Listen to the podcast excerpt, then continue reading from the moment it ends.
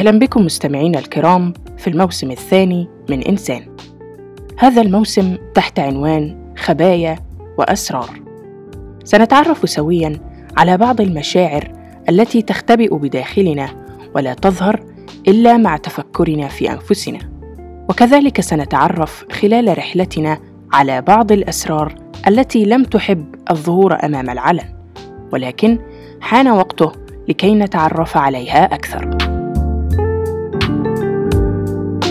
عرفنا خلال الموسم السابق عن الكثير من المشاعر الأساسية التي شعر بها معظمنا، ولكن اليوم دعونا نتحدث عن مشاعر مختبئة لا تظهر إلا تحت ظروف معينة أو مؤثرات خارجية. منذ أيام رأيت منشورا مثيرا جدا للاهتمام من تصميم الفنان المبدع محمود صبري حيث استخدم بعض الصور للتعبير عن الكثير من المشاعر التي قد يشعر بها البعض ولا يتحدثون عنها أمام كثير من الناس. مثال على ذلك هذا الشعور الغامض الذي تشعر به عند دخولك لمكان هادئ بعد أن كان مليئا بالبشر والحياة. تلك المشاعر تمثل جزءا من أنفسنا المختبئة ولا تظهر إلا عند وجود ظرف ما خارجي أو دافع معين. دعونا نتفق أن جميع المشاعر معقدة وصعبة الفهم. لا جدال في ذلك لكن ليس مستحيل. ومن أجل ذلك هناك الكثير من التقسيمات التي قد تساعدنا في هذا. بكل بساطة يمكن تقسيمها إلى مشاعر أساسية أو معنية بموضوع معين ومشاعر مرتبطة برد فعل سلوكي. من أنواع ردود الفعل التي قد يجهلها بعضنا هي مشاعر الوعي.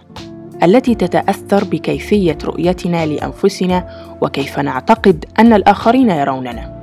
وذلك يشمل عواطف مثل الكبرياء والغيرة والإحراج.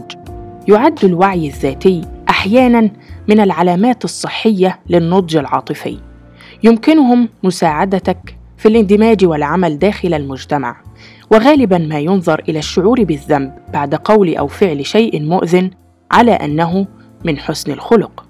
وقد يساعد هذا الشعور بالندم بعد ارتكاب خطأ في إصلاح الكثير من العلاقات الاجتماعية. يمكن أن تكون المشاعر الإيجابية للوعي الذاتي والعواطف السلبية الواعية بالذات محفزات صحية وقوية ولكن أحيانا يمكن أن تكون المشاعر المفرطة في الوعي الذاتي غير صحية للغاية. وذلك لأنها قد تؤدي إلى تفاقم الأعراض من حالات مثل القلق والاكتئاب واضطراب الشخصية الحدية ويمكن أن يسبب العزلة. يقول مارك الطبيب النفسي لما يقرب العشرين عاماً أنه قبل إنهائه للعقد الثالث من عمره ومع بدايات عمله شعر أنه يختبئ خلف قناع غريب ويشعر بفراغ عظيم. وكأنه لم يعد مارك الذي يعرفه. ولهذا اتخذ خطوة شجاعة جدا وذهب لطبيب نفسي. فيقول في جلستي الأولى مع معالج الجديد كافحت لأشرح له ما أردت تحقيقه. أخبرته أنني كنت مرب جيد لكنني كنت غير راض بشكل غامض عن هذا الدور. بدأ أن الشعور بالفراغ والخطأ الذي أحاط بي مثل الضباب الدخاني يحد من قدرتي على إقامة علاقات اجتماعية ناجحة.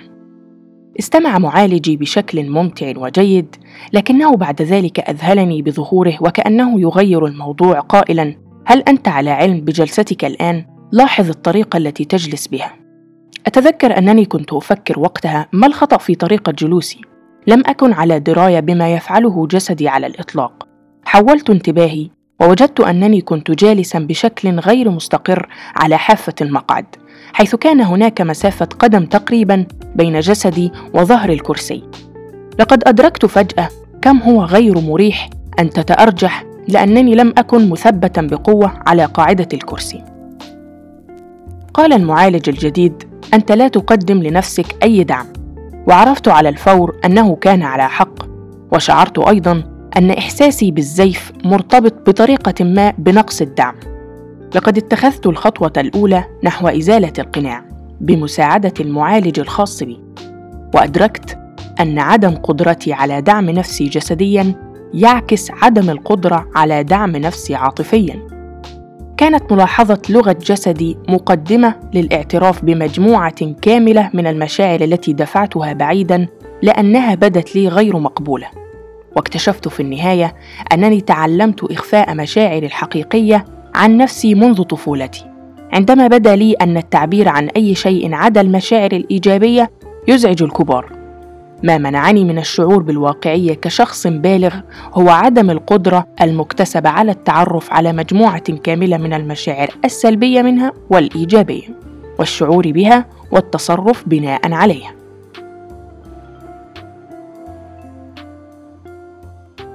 بدت تفاعلاتي مع الآخرين خاطئة لأنه لم يكن لديهم أساس راسخ أيضا عن المشاعر الحقيقية.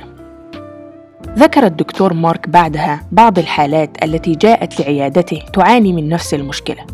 مشكلة ارتداء قناع خفي لا يرونه أو يشعرون به إلا لاحقا.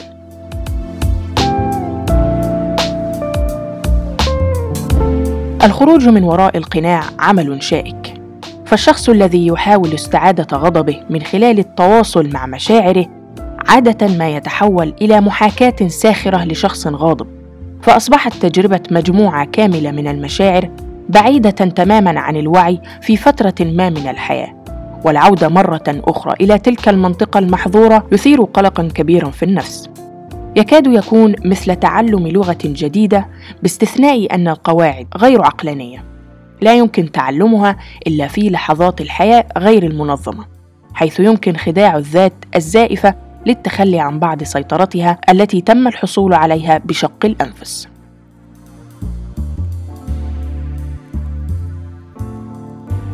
لهذا غالبا ما تحمل الأحلام مفتاح الجوانب المدفونة من الذات. على المرء أن ينام قبل أن يسمح لمشاعر غير مقبولة مثل الغضب بإغراق نفسه.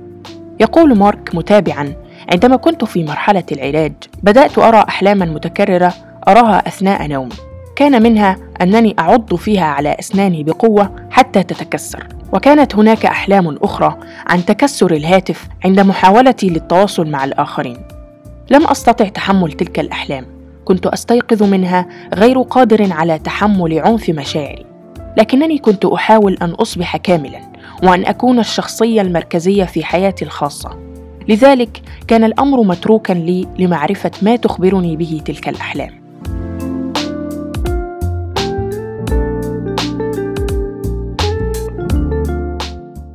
لا بأس أن نغضب أو نكره شيئا ما بداخلنا ولكن المهم أن نتخلص من هذا الشعور ولا نخفيه خلف قناع سيأتي يوم ويسقط أو يتحطم.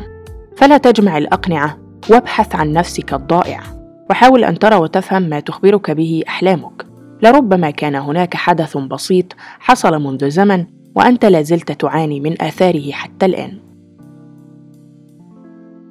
كان هذا مستمعينا الأعزاء نهاية حلقتنا لهذا الأسبوع. أتمنى أن تكون حازت على رضاكم ولا تنسوا الدعم على حسابات التواصل الاجتماعي ويمكنكم إرسال أي ملاحظات أو اقتراحات من خلالها. كان معكم مريم أسامة. شكرا لكم.